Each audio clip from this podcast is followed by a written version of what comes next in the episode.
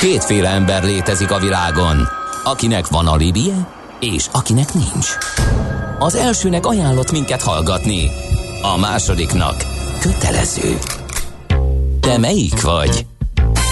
Millás reggeli, a 90.9 Jazzy Rádió gazdasági mapetsója. Ez nem animi, ez tény. A műsor támogatója a GFK Hungária Kft. A cégek technológia alapú adatszolgáltató partnere. Jó reggelt kívánunk, 8 óra 12 perc folytatjuk a millás reggelit itt a 90.9 Jazzy Rádión ezen a cseppet sem hagyományos, cseppet sem hétköznapi hétfői napon Ács Gáborral. És Mihálovics Andrással. Van egy breaking, a pusztaszeri út felfelé lezárva, korábban kigyulladt egy autót, és most lezárták teljes szélességében felfelé egy gumi üzlet előtt, és a tűzoltók oltják jelen pillanatban ezt a lángoló autót. Jöhet még közlekedési hír 0 30 20 10 9 0 9 SMS, WhatsApp és Viber számunk is ez. Egy másik hallgató meg azt hogy megint azzal, amint ami 2008-ban, hogy túlreagálják, mindenki satúféket nyom, holott még nincs is akkor a baj, de ezzel felnagyítják az összeomlást, és ördögi kört indítanak be, írja a hallgató. Hát Ács hát Gáborral ilyen... pont a zene alatt arról beszélgettünk, hogy lehet ezt, ezt így mondani, el lehet, lehet magyarázni, okos, csak lehet amikor okoskodni. az ember a pénzét félti, akkor tehát lehet okoskodni és elmagyarázni, hogy nagy a pánik és túlreagálunk, meg lehet uh, um, megérezni, hogy a többség hogy reagál, és mi is be, úgy reagálunk. Uh, az utóbbival mi lehetünk az erkölcsi magasságokban, de esetleg tönkre megyünk, a másikban mert nem, esetleg nem megyünk tönkre, és lehet igen. erre akár játszani, és igen, igen. ez sajnos ilyen. Egy másik közlekedési breaking az M6-oson befelé Battától teljes útzár van, tehát Szászalon Battától az M6-oson Budapest felé gondolom. Jöhet még közlekedés információ 0 30 20 10 909. Na de most? Mm, még azért mondjuk el, ha valaki nem hallotta, csak nagyon röviden foglaljuk össze a, a mai nap hírét, összeomlott az olajár, de nagyon durván 91 öbölháború óta nem látott mértékben, mert hogy kitölt az olajháború, az oroszok nem akartak olajár csökkenteni, kitermelés csökkentést, a szaudiak meglépték önhatalmulag, 40-ről 30 alá esett az olajár, és most kapaszkodik éppen fölfelé. Ennek nyomán, illetve a még durvuló koronavírus szokásos hírek nyomán, a tőzsdék pedig a nagy pénzügyi válság óta nem látott összeomlás szerű szakadásra fognak nyitni, ha minden igaz. Most már van olyan határidős előrejelző index, amely szerint 8%-ot meghaladó zuhanás várható, például a Párizsi tőzsdén, de az összes európai tőzsdén most már ilyen 7 7,5, sőt 8%-ot közelítő mínusz néz ki. Nagyjából 3 óra múlva majd meglátjuk. Az adó a jövedelem újrafelosztásának egyik formája, a költségvetés bevételeinek fő forrása, a jövedelem szabályozás eszköze. Az adóztatás fő célja anyagi eszközök biztosítása közcélok megvalósításához. Nézd meg az ország adózását, és megtudod, kik lakják. Adóvilág, a millás reggeli rendhagyó gazdasági utazási magazinja, ahol az adózáson és gazdaságon keresztül mutatjuk be, milyen is egy ország vagy régió. Adóvilág. Iránytű nemzetközi adóügyekhez.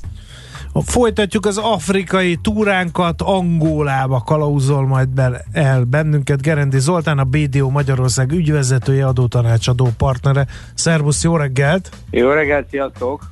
Hát, Angola, ez is egy szép feladat.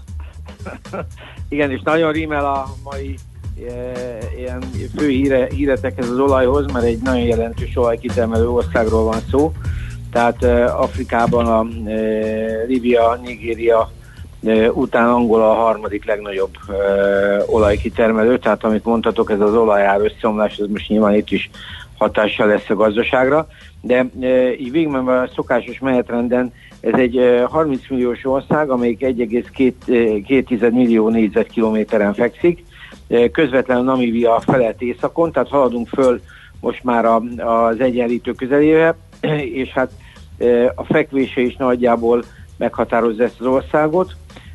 Tengerparti fekvésű, az ország döntően közel 1600 kilométeres tengerparti szakasza van, csak hogy lássuk, és az ország többi része pedig döntően hegyes, de majd erről beszélünk. Azt lehet azt lehet róla tudni, hogy 1475-ben a portugálok fedezték fel, és egyből meg is alapították Luandát. Egyébként ez távolságban, baromi nagy távolságán Portugáliától, tehát e, azt nem mondom, hogy nagyobb, de esetleg akár nagyobb is, mint, a, mint amit a Columbus megtett Amerikába. Tehát e, ide eljönni hajóval, tehát itt nyilván ki kellett már kötniük, mert semmi nem volt a hajón, amiből, amivel tovább lehetett volna menni, és így, így jött létre. Tehát amikor gyakorlatilag a, a portugál felfedezések, felfedezők elindultak, így került Angola is a térképre, leginkább a parti szakasza, e, ami mezőgazdaságilag művelhető, és amelyik gyakorlatilag viszonylag az éghajlat miatt gazdag is, tehát jelentős, e, itt később indult kávé, kakaó e, termelés, de egyébként Luanda egyben a rabszolgakereskedelmnek is a 19. század első feléig egy meghatározó központja volt.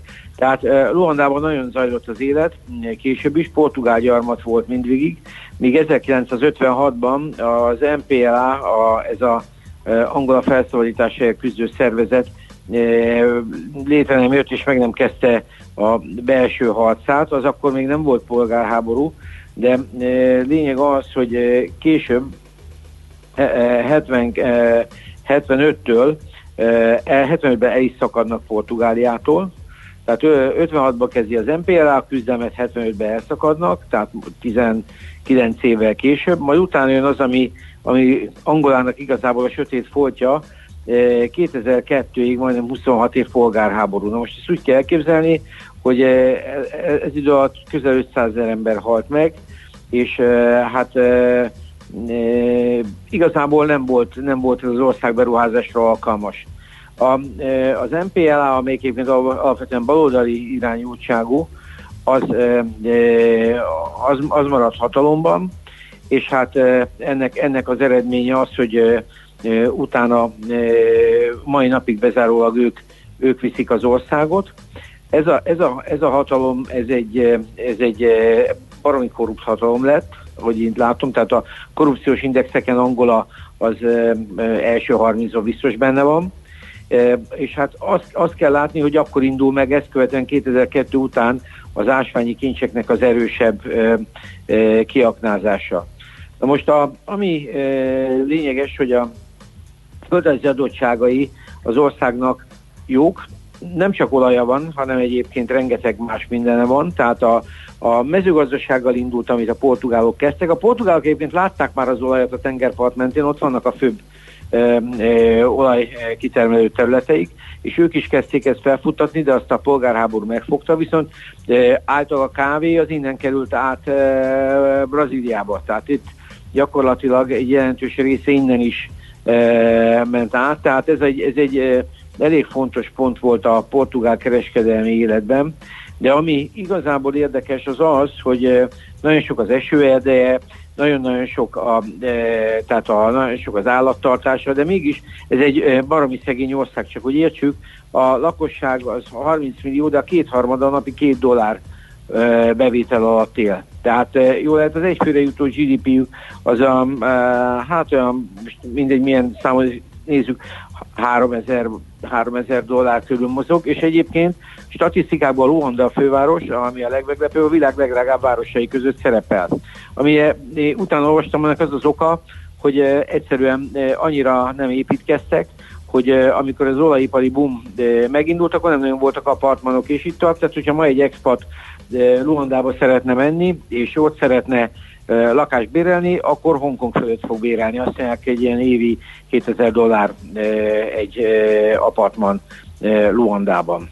Na szóval így, így eléggé ellentmondásos országnak látszik Angola, viszont az is látszik, hogy egy nagyon-nagyon gazdag ország. Tehát a, az olaj a meghatározó bevételi forrása, de hogy a sor azért ne, ne, ne fejezzük itt be, nagyon jelentős a, gyá, a gyémántjuk, tehát gyémántban a top 4 termelők, de egyes stati, statisztikák szerint akár elsők is lehetnének majd, tehát ez egy nagyon meghatározó Hát akkor ott minden rendben kéne, hogy legyen. Hát van olajbevétel, van gyémántbevétel, csak van-e még egy... pont ezért egy... nincs rendben, aha, tehát aha. egy ilyen, mert, mert mindenki valamit szeretne ebből kikanyarintani, és hát emiatt volt szerintem a polgárháborúnak is egy elég hosszú lefolyása. Ugye egyrésztről voltak az orosz barátok, egyébként kubaiak, támogattak leginkább. Másrészt pedig ugye a, a, a velük szemben álló amerikaiak által támogatott erők, és ezt aztán végül is, hogy láttuk a történelemben, a, a baloldali erők nyertek, és hatalomra is segítették viszonylag hamar Eduardo dos Santos urat, akit ne téveszte meg senki, hogy portugál neve van, mert, mert a Santos úr az gyakorlatilag egy fekete ember, aki részben egyébként az olajipart Azerbajdzsánban, Bakuba tanulta, és az első feleség azt hiszem orosz is volt, de ő 79-ben, tehát a 75-ös elszakadás után hatalomra is kerül, és hát ő masszívan részt vesz ebben a polgárháborúból. Most ez a Santos család, ez Afrika leggazdagabb családjai közé küzdötte fel magát, tehát a, aki ma a, a, a Santos úr az már jó idősebb, tehát ő egy ő, ő vissza is vonult a politikától 17-ben, de a lánya Isabel dos Santos az gyakorlatilag egy több milliárdos vagyonnal rendelkezik. Ő az első házasságából, ahol egy orosz hölgy volt a felesége született, és hát ő neki most elég problémás az időszaka, mert Angola szeretné ezeket a vagyonokat valahogy visszaszerezni, ő először kimenekült Portugáliába, majd Portugáliából e, átmenekült az Egyesült Arab Emirátusokba, és jól tudom, most is ott él. Tehát e, azt kell tudni, hogy, e, hogy tényleg van itt minden, úgy néz ki. Most, ha összesik az olajára, hogy ti mondtátok, az nyilván, nyilván Angolának is egy probléma, de összességében azt lehet látni, hogy ez az ország, ez rengeteget nélkülözött szenvedett, és ha a polgárháború nem lett volna elég, akkor gyakorlatilag azt, azt lehet mondani, hogy még az éhínségek is ezt fokozták. Tehát ez egy, ez egy, ez egy nagyon nyomorultul élő ország, tehát a lakosság kétharmada gyakorlatilag ilyen bérszínvonalon, vagy ilyen jövedelem színvonalon él, akkor azért meg lehet, el lehet képzelni, hogy mekkora ellentmondás az, amikor a, a, a politikai elit szintje az ilyen nagyságrendet ér el. Uh-huh. Szóval Angolának van lehetősége, nagyon komoly lehetőségei vannak ilyen szempontból, de, de semmilyen nem mutat arra, hogy egy olyan komolyabb fordulat jönne, ami miatt ez az ország előre tudna lépni. Amit az adózásról kell tudni, az, az ennél egyszerűbb. Tehát minden adójuk van, és egyáltalán nem kedvező az adórendszerük. Egyébként a, az, a, a, a baloldali irányultságú eredően ők rengeteg mindent államosítottak. Tehát itt a magángazdaság az 2002 óta tud felpörögni, és gyakorlatilag ezért nézik Angolát, vagy tartják Angolát Afrikában egy nagyon érdekes fejlődési lehetőségnek. Egyébként a populációjuk is félelmetes, mert 1950-ben még csak 4 vagy 5 millió voltak, és most 2020-ban meg már 30 millió. Szóval azért ez a népességbővülés elég komoly, úgyhogy gyakorlatilag nincs 20 éve, hogy befejeződött a polgárháború. Tehát egy nagyon dinamikus ország volt, és olyannyira dinamikus, hogy a GDP-ük volt, amikor kétszámjegyű növekedésben volt. Tehát Kína azt szerintem előre köszönhetett volna nekik, mert 17-18 os GDP növekedéseik voltak a válság előtt. Uh-huh. Nyilván ez a, nem mindegy, hogy honnan indul az ember, mert ha valaki ennyire alulról indul, mint hogy ők, ez, ez egy gond, de ettől függetlenül ez az ország azért mutatott már dolgokat, a világnak, és valószínűleg fogunk még róla hallani, ha nem is biztos, hogy adóokokról, mert okokból, mert a, az adórendszerük az egyáltalán nem izgalmas, tehát ha valakinek nincs dolga arra felé, vagy nincs valami felfedező hajlama, akkor valószínűleg adókok miatt biztos nem megy oda. Az áfájuk az mondjuk a szomszédokhoz viszonyítva normális 14 százalék, a társasági adójuk az 30 százalék, és azt nem is nagyon bonyolítják, és a személyi jövedelemadójuk az meg gyakorlatilag ilyen nagyon-nagyon apró lépésekben megy fel 17 százalékig. Tehát gyakorlatilag azt lehet mondani, hogy egy, itt egy olyan országról van szó, amelyik Hát e, nyilván az adórendszerére próbáltam azt egyébként egy kicsit eladósodott ország, tehát a államadóságok a 80% a GDP-hez mérten, de, de ha belegondolunk, hogy a lakosság kétharmada milyen szinten él, hát itt biztos nem az SZIA-ból e, építenek kórházakat, hanem maximum az olajipari vállalkozásokból tudnak, ahhoz meg befektetők kellenének, és hát ez a politikai stabilitás itt azért még nehezen áll össze, de ezt majd meglátjuk Boton mit mond. Igen. Szerint ennyit gondoltam Angoláról mondani. Szép országnak ígérkezik, rengeteg nemzeti park, egy csomó minden. Egyébként állítólag annyira a polgárháborút annyira kipusztították a nemzeti parkokat, hogy az oroszok küldtek nekik elefántokat. Tehát, az oroszok?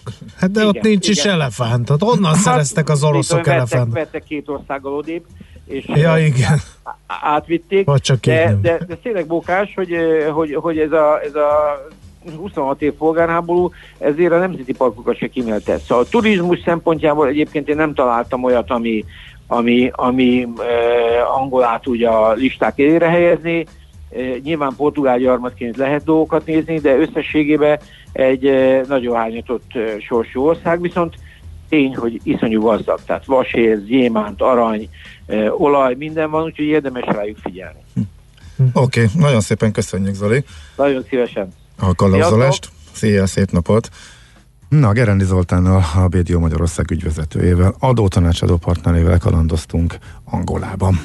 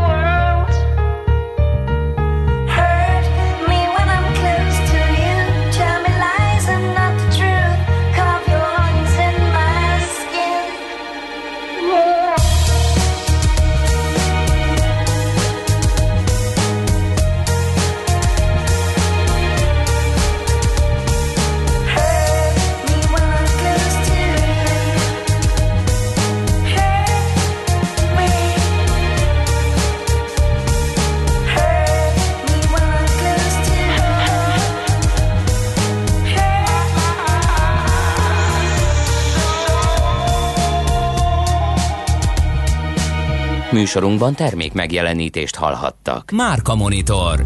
Egy óra a márkák csodálatos világában Szakács Lászlóval és vendégeivel. Minden szerdán itt a 90.9 Jazzin. Rövid hírek a 90.9 Jazzin. Újabb embereket vittek karanténba Magyarországon, a korábbi 48 helyett vasárnap már 67 embert figyeltek a fertőzés gyanújával. Vasárnap két új koronavírus fertőzöttet azonosítottak, az egyik egy iráni diák, a másik a Debrecenben kórházba került brit állampolgárságú férfi magyar felesége. Berük együtt már hét magyarországi fertőzöttről tudni. A vírus terjedése miatt a kormányzat majd később a főváros és két vidéki nagyváros vezetése is bejelentette, hogy lefújják a március 15-ére tervezett ünnepi megemlékezéseket. 100 fölött van a fertőzöttek száma Ausztriában, a legtöbb 36, alsó Ausztriában is 32 Bécsben van, Tirolban és Tájérországban 8-8, Salzburgban és Felső Ausztriában 7, Burgenlandban és Foralbergben egy-egy esetet tartanak nyilván, két beteg már felépült a fertőzésből. Az öbölháború óta nem zuhant ekkorát az olajára, Szaudarábia árháborút indított Oroszországgal, és bejelentette, hogy áprilistól csökkenti a nyersanyagárát. A reggeli állás szerint egy hordó Brent ára 31 dollár, pénteken pedig még 45 volt. Eleinte sok napsütésre van kilátás, délután már több felhő lehet az égen, nyugaton megélénkülhet a déli szél. Napközben délkeleten előfordulhat gyenge eső, 8-13 fok várható. A hírszerkesztőt, Czoller Andrát hallották, friss hírek pedig legközelebb fél óra múlva. Budapest legfrissebb közlekedési hírei, itt a 90.9 jazz Budapesten korlátozásra kell számítani a Pusztaszeri úton a Felhévízi utca közelében, mert tűzoltak dolgoznak. A 29-es és a 111-es autóbusz terelve közlekedik Hűvösvölgy, illetve a Batyányi tér felé. Nem érinti az Ürömi utca és a Csalit utca közötti megállókat. Baleset nehezíti a közlekedést a Szentendrei úton befelé a Cec János köznél. Torlódásra kell számítani az Ülői úton befelé a határúttól, a Nagykörúton szakaszonként mindkét irányban, a Rákóczi úton befelé, az Erzsébet hídon Pestre. Mától az M3-as metró a Ferenciek terénél és az Arany János utcánál nem áll meg. A lezárt állomások a 9-es, a 15-ös és a 115-ös autóbusszal is megközelíthetők. A buszsávok szabályos használatát a rendőrség fokozottan ellenőrzi. Az Üllői úton kifelé a Ferenc körút után sávelhúzással két sáv, a befelé vezető oldalon a Nagykörút előtt három sáv járható, mert vízvezetéket építenek. Az Üllői útról továbbra is a két belső sávból lehet balra a Petőfi híd felé kanyarodni. A 60-as villamos a fogaskerekű, nem közlekedik karbantartás miatt mától. A Széchenyi hegy gyermekvasút és a Svábhegy között pótlóbusz jár. A Svábhegy és a Szélkálmán tér között a 21-es és a 21A autóbusszal lehet utazni. Szép csilla BKK Info. A hírek után már is folytatódik a millás reggeli. Itt a 90.9 jazz Következő műsorunkban termék megjelenítést hallhatnak. Folytatódik az adóvilág, a millás reggeli rendhagyó gazdasági utazási magazinja. Nézd meg egy ország adózását, és megtudod, kik lakják. Adóvilág. Iránytű nemzetközi adóügyekhez. Feledi Botond külpolitikai szakértő van a vonal túlsó végén, de a célkeresztünkben még mindig Angola szerepel. Hát azt hallottuk az előbb Gerendi Zoltántól, hogy egész jó adottságú országról van szó. Hát aztán, hogy ez belpolitikailag hogyan csapódik le, az persze egy más kérdés. Nem tudom, mit le kell tudni Angola mindennapjairól. Sziasztok, Szia. jó reggelt! Angola egy újabb kiváló állatorvosi ló a sorozatunkban. Nézzünk egy pillanatra rá, hogy, hogy hogy is alakult ez az elmúlt néhány év. Zoli szépen megágyazott itt a hosszabb távú történelemmel. Ugye ez Afrika leghosszabban um, hatalmon lévő elnöke, aki 2017-ben békés módon távozik a hatalomból, hiszen a pártjának uh, soron következő uh, új vezetője lett a demokratikusan megválasztott utódja, aki most J-Lo becenévre hallgat, uh, Lorenzo elnök de a helyi sajtóban is csak j nak hivatkozzák. Mint Jennifer Lopez, pont ugyanúgy. Hát pont úgy, pont úgy. Hát, hogy igen, ennek örül-e, vajon? Igen. Van humoruk az angolaiaknak, ezt már ennyi idő alatt is megállapítottuk, igen.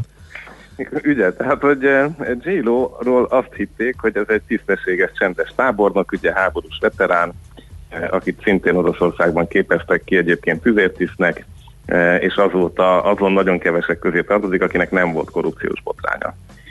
Hát őt tette meg utódjául ez a 38 év hatalmon lévő Dos Santos, aki viszont hát meglepte a, meglepte a kvázi uralkodó családot. Ugye ez a család, ez azért itt a 38 év és a gyémánt és az olaj olyan szinten szemtelenedett el, ugye a lányát megtette, ezt az első az orosz házasságból származó lányát megtette a helyi olajtársaság vezetőjévé.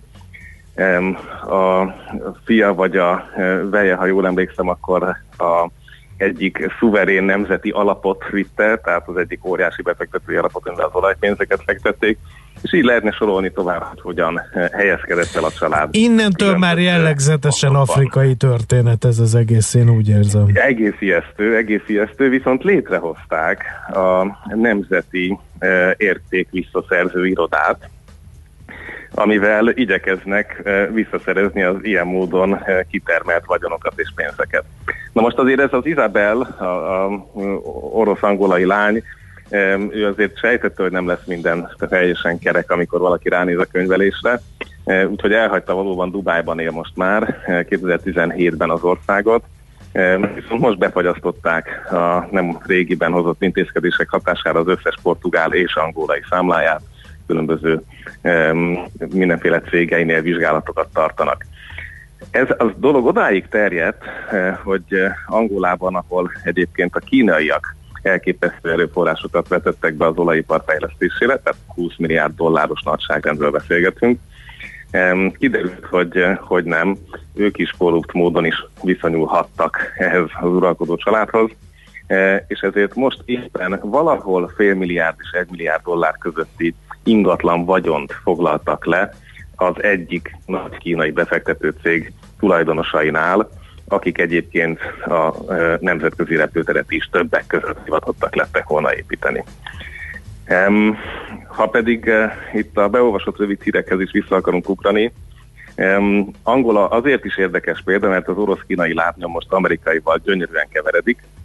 Tehát ugye a kínaiak olajban adósították el Angolát, 83 óta körülbelül 60 milliárd dollárnyi befektetést vittek a területre, amit az angolaiaknak olajban kellene visszafizetni. Na most ez itt a koronavírus óta olyan szinten zuhan, hogy ugye az olajárral együtt ez egy egészen reménytelen adósságcsapdának tűnik, vagy most legalábbis egészen biztos, hogy picit kihatástalanabb lett a helyzet. Az adósság megérte vagy nem, erről aztán majd lehetne egy másik műsorban beszélgetni, hogy ezek az infrastruktúra projektek végül is kit segítettek a, a nap végén. Ami érdekes, hogy miközben zajlanak ezek a lefoglalások és vagyonvisszaszerzések, Izabellel készült egyik januári interjúban bevallja, hogy tulajdonképp, mert meggyanúsították, hogy orosz állampolgárságot kért volna, hogy ő nem kért ilyet, hiszen neki mindig is volt. Hoppá! Na most mindentől kezdve lett Csak ezt nem tudta rajta kívül senki, vagy? Ezt, ezt, ezt eddig elfelejtettem mondani, de hát ő Bakuba született, Hát... Ugye egy tisztességes orosz édesanyának, a lánya, Tatjának, Kukánovának, aki az első felesége volt az akkori elnöknek, és néhány évvel később győztesen visszavonultak Angolába, orosz kiképzéssel megkódították a hatalmat, és hat évesen már az elnöki palotában volt Izabel. Na most kiderül véletlenül, hogy hát mégis megtalálta a szovjet útlevelét, amit most oroszra be tudott cserélni, és hát ezzel most a Medusa nevű oroszok nyomozó portál foglalkozik, hogy akkor ez vajon milyen pénzmozgásokat is jelenthet a következő időben a különböző kinevetett és még lefoglalni nem tudott uh-huh. pénzhegyek kapcsán. Ezt akartam kérdezni, hogy egyébként uh, uh, így az oroszoknak nincsenek ott hadállásaik? Mert ugye Angola az ilyen kommunista érdekszféra volt, és nem tudom, hogy jól emlékszem, lehet, hogy most egy orbitális hülyeséget mondtak, nem ott volt a kubai intervenció?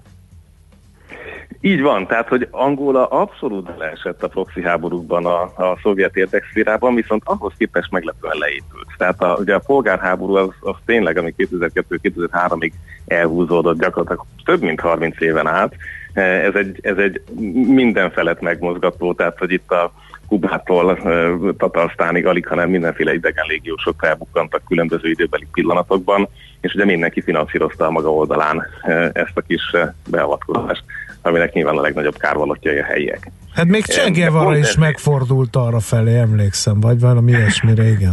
Hogy, hogy, hogy más nem mondjunk, igen. így van. Tehát, hogy ez, ez tényleg egy ilyen forgószínpada volt a, a hidegháborús proxiknak, viszont pont azzal, hogy csak 2002-ben ér véget, ezzel a, ugye addigra már Szovjetunió nincsen.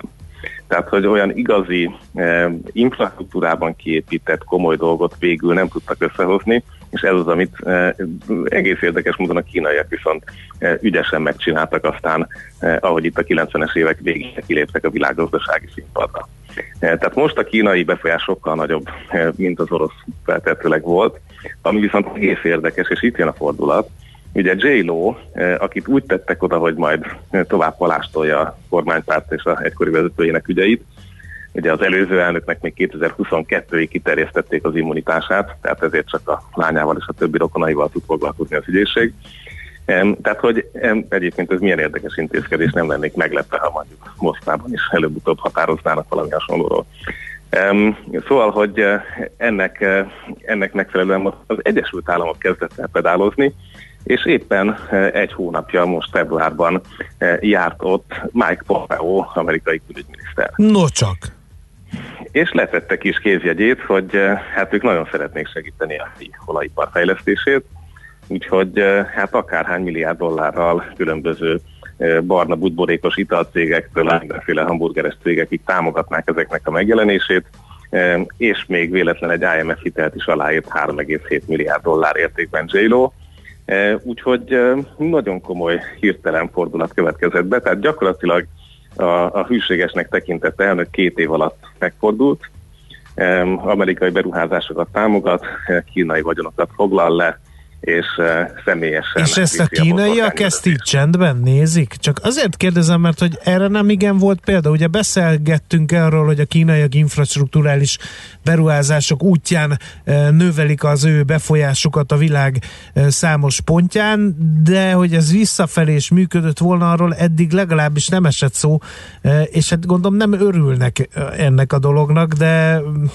hát nem tudom, hogy tudnak-e hát bármit tenni ellene. Tehát most január-februárról beszélgetünk, uh-huh. úgyhogy igazából itt még alig, hanem a felszín alatt megy a találgatás, és hát Pekingben szerintem most lehet, hogy a koronavírussal is foglalkoznak néha. Úgyhogy, Mert az amerikai vagyonokat zárolnak, meg államosítanak, lásd Venezuelában annak idején, akkor ott azért elég kemény szankciók szoktak következni. Érdekes, van, érdekes helyzet állhat elő, hogy a, a, a formálódó kínai globális hatalom mit tud tenni az érdekeinek az érvényesítésén. Ugye két, két részt kell látni, az egyik az az, hogy mennyire van szükségük az innen származó olajra, minél olcsóbb, annál jobb nekik, annál tovább tart ugye a kifizetése az angolaiaknak már amíg elkezdik, folyamatosan törlesztik a tartozást olajban mérve.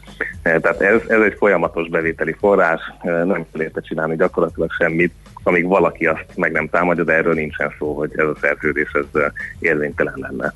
Ugye hogy emellett a különböző infrastruktúra projektek, amik a jól ismert hongkongi, makaói, ki tudja milyen bejegyzésű cégeken keresztül helyiek bevonásával egy-két nevet itt a sajtóban lehetett látni, történtek. Itt ugye meg lehet fogni azt, aki effektíve korrupt volt. Tehát itt le lehet fizetni bírókat, ugye tényleg a top 15-ben van Angola a világ 180-as listáján a korrupcióban, uh-huh. tehát sok mindent lehet csinálni, de azért bizonyos puffereket nyilván a kínaiak is elvégeznek ilyen esetekben a politikai befolyásépítés közben. Tehát az olaj nincs veszélyben, az, hogy most egy-két lakóparkot vagy más egyebet majd újra kell, újra kell tervezni, ez, ez lehet, hogy leírható a veszteségek listáján. Tehát itt azért nem arról van szó, hogy teljesen ki tudják őket venni, de az amerikaiak viszont elég látványosan ráerősítettek, ugye IMF-től az egyéb bilaterális támogatásokon uh-huh. át mindenféle ígéret elhangzott, és tényleg elég régen volt amerikai külügyminiszter Angolában. Tehát ilyen szempontból azt hiszem, hogy egy új fejezetet kezdünk éppen most látni, amikor Afrikáról beszélget ez a rovat, turnézott egyébként Pompeo, tehát máshova is elment, e, és egészen, egészen érezhető, ahogy most az Egyesült Államok elkezdi fölvenni a geopolitikai kesztyűt, és nyilván a maga saját érdekei mentén egy picit popozgatja az afrikai erővonalakat azokban az országokban, ahol Kína a legintenzívebben építkezett az elmúlt időben. Jó, figyelünk, majd időre, időre visszaröppenünk Angolába, kíváncsian várjuk az ottani fejleményeket. Köszönjük szépen az összefoglalót. Hát mindenkinek izgalmas szurkolást az ilyen királyi családok kapcsán való Igen. vagyon visszaszerzési kísérletekhez. Ez nemzetközi jogilag is egy izgalmas dolog Igen. lesz, hiszen Portugália, Oroszország, Dubaj, Angola négyszögben azért itt még biztos fogunk meglepődni. Igen. Köszönjük még egyszer, szép napot, Boton! Nektek is hallgatóknak is szervusz. Szia! Feledi Botond külpolitikai szakértővel kalandoztunk Angola mindennapjaiban. Adóvilág, a millás reggeli rendhagyó gazdasági utazási magazinja hangzott el, ahol az adózáson és gazdaságon keresztül mutatjuk be, milyen is egy-egy ország vagy régió. Adóvilág, iránytű nemzetközi adóügyekhez. És akkor negyed órával a tőzsdenyítás előtt a friss számok, hát egészen elképesztő. 5,5 százalékos óriási bukást láttunk, amikor a műsort elkezdtük, ez most már 9,5 százalékra nőtt, tehát 4 százalékkal súlyosbodtak a várható veszteségek, csak az alatt a két óra alatt, mióta itt ülünk a stúdióban. Per pillanat úgy néz ki, hogy 13 perc múlva akár 9%-nál magasabb 10%-ot közelítő zuhanás, hát kisebb fajta összeomlás lesz az európai tőzsdéken is. De az, az amerikai futures Az amerikai futures-ök föl vannak függesztve, limiten vannak 5% oh, környéken, és nem tudnak tovább zuhanni, mert ott a limit Igen. a határidős kereskedésben, tehát ők csak azért nem tudnak lejjebb menni, mert ott limit Igen. van. Az olajára kérem szépen, még Gábor levegőt kap, ugye voltak 30%-os mínuszban is, kitört az olajháború Oroszország és Szaúd-Arábia között. Jelen pillanatban az, az európai Brent az 25% körüli mínuszban van, az amerikai WTI pedig 27% körüli mínuszban, 30 dollár környékén vannak az olajárak, 45-ről estek idáig viszonylag gyorsan egy héten belül. És bizonyára nagy nyüzsgés fogunk majd hallani, a háttérből mindjárt kapcsoljuk, tehát az Erste befektetési ZRT eh, szakemberét, mert a hotspot rovatunkban, hát az, az olyan izgalmasnak ígérkezik, hogy ők hogy készülnek most a nyitásra, illetve milyen részvényeket figyelnek, ha egyáltalán részvényekkel foglalkoznak, nem a piacsal. Mindjárt kiderül.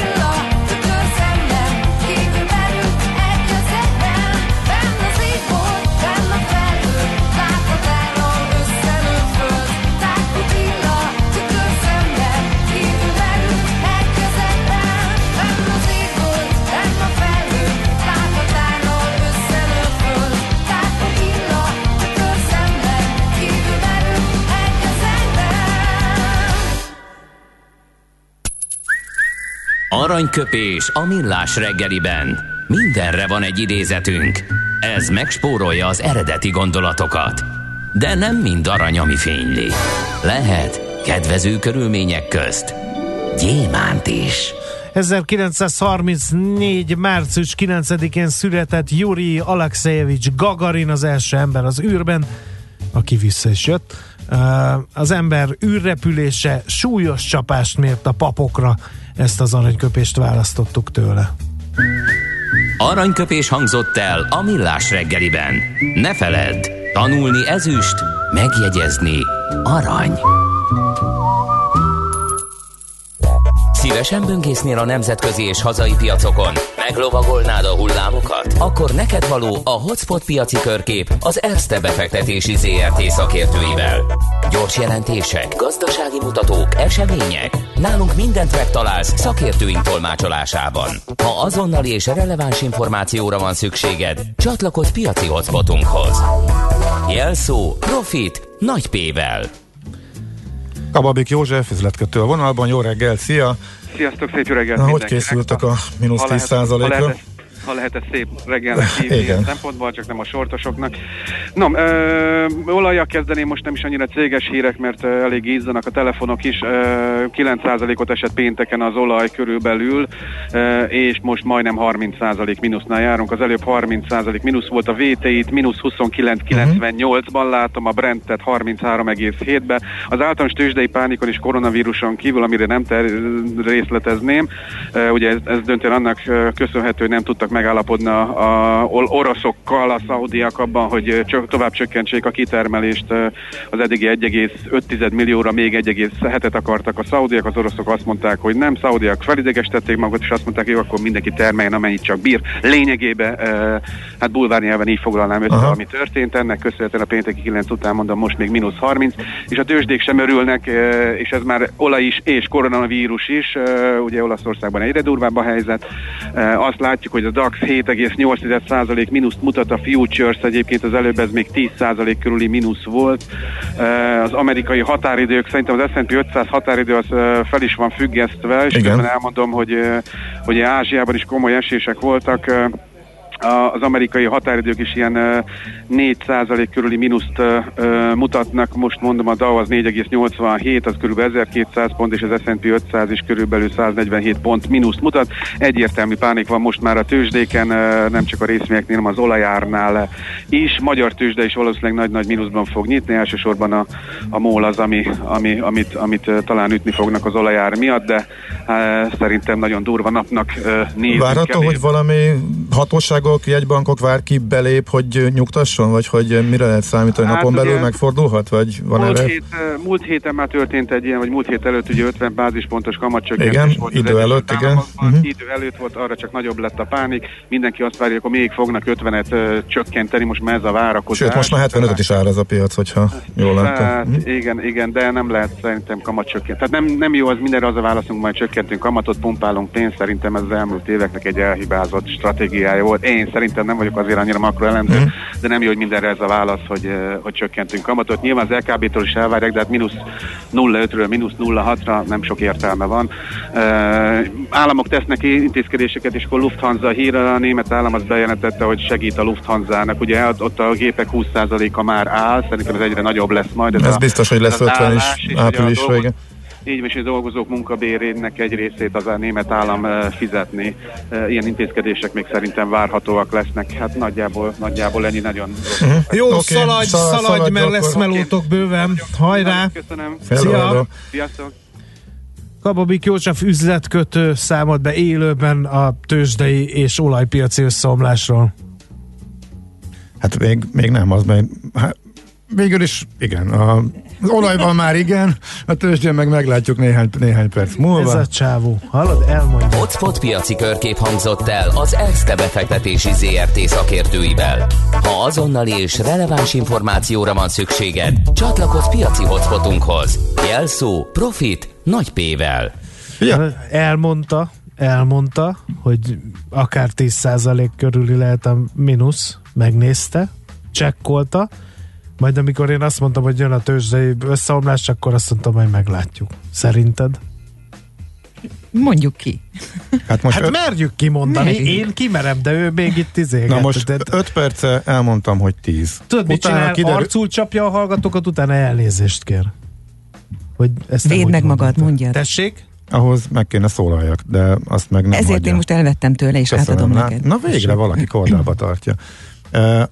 Uh, 3%-ot emelkedett néhány perc alatt, mert visszajött hétbe, ugye az alatt a pár perc alatt, ameddig beszéltünk. Tehát egy irgalmatlan csapkodás van. Na most, ha ez fölmegy 5-re, vagy fölmegy 4-re, akkor az már szinte jó hangulatnak számít, és megúsztuk az összeomlást. Tehát összeomlást a nap végén lehet e, kijelenteni, hogyha mondjuk mínusz 10 zár, szerintem, de te nyugodtan. Azt írja a Coinbroker, hogy a kriptovalutákra is kiterjedt, beszéltünk erről az Igen. adás kezdetén. Komoly csökkenés volt a bitcoinnál, most is 10%-os mínuszban van, nem tudom, én most nem néztem be valami őszintén. Úgyhogy... Jó, szaladjunk végig nagyon gyorsan, és akkor a következő alkalommal, amikor visszajövünk, akkor már majd a tényeket is fogjuk e, tudni mondani. Bitcoin mínusz 9,5 százalék, a DAX mínusz 8 százalék, mínuszban fog nyitni, FUCI mínusz, mínusz 8 és fél, Párizsi mutató majdnem e, 9, ennyit látunk, Amerikáról viszont nem tudunk semmit, mert hogy 5 százaléknál e, limitek vannak a chicagói határidős tőzsdén, tehát ott nem lehet tudni, hogy mennyivel van lejjebb. Ennyi látszik tehát eh, most, az olajár eh, 30 dollár környékén van, most éppen kerek eh, 30 dollár 27 százalékos szakadással, az már biztos, hogy nyitásban 2008 óta nem láttunk, sőt szerintem 2008-ban sem volt olyan nap, amikor már nyitásban 8-9 százalék lett volna, az inkább napon belül jött össze, de ezt majd a tőzsdetörténészek megvizsgálják és kielemzik, minden esetre nagyon-nagyon durva nap lesz, az szinte biztos. Úgyhogy ennyit tudunk most Eh, Nagyjából. Eh, néhány elemzői véleményt néztem, eh, azok nagyon mókásak egyébként, eh, tehát eh, a, van, aki próbálja menteni, hogy a pánikot azt meg kell előzni, és akkor már sürgeti a hatósági lépéseket, csak hát ugye a Fed, ahogy az elhangzott, előtt a puskaport teljesen fölöslegesen, amikor nem kellett volna múlt, múlt hét előtti héten, amikor erről beszéltünk is, Többször is, illetve én azt mondtam, hogy teljesen fölöslegesen, de volt szakértő szem Kismóni, aki meg azt mondta, hogy teljesen jogos volt, és egyetértett a lépéssel, tehát ezt mondjuk tegyük hozzá.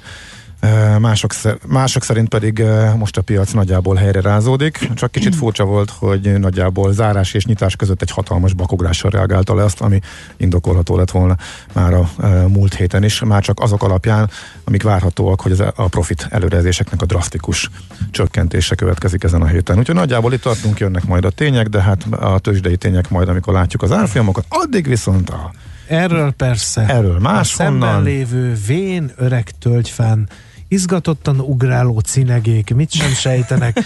ők vérükben, zsigereikben, gényeikben érzik, hogy közel a tavasz. Szoller Andi és a hírek jönnek. Andi, akkor már csak egy dologra válaszolj, tippelj nekem. Szerinted a- a maci megismerte a cinegét, vagy látott egy madarat, és blöffölt egy nagyot? Vagy Blöffölt. Dehogy is Egyetért. blöffeltem. ez, ez Dehogy is. Radecki Jenő bácsi madárvártáján pallérozoltam. Ne Ez már nem- vassatok ez már ki nem magyarázott. Mindent fejből. Többség dönt, kettő egy aranyban blöfföltél.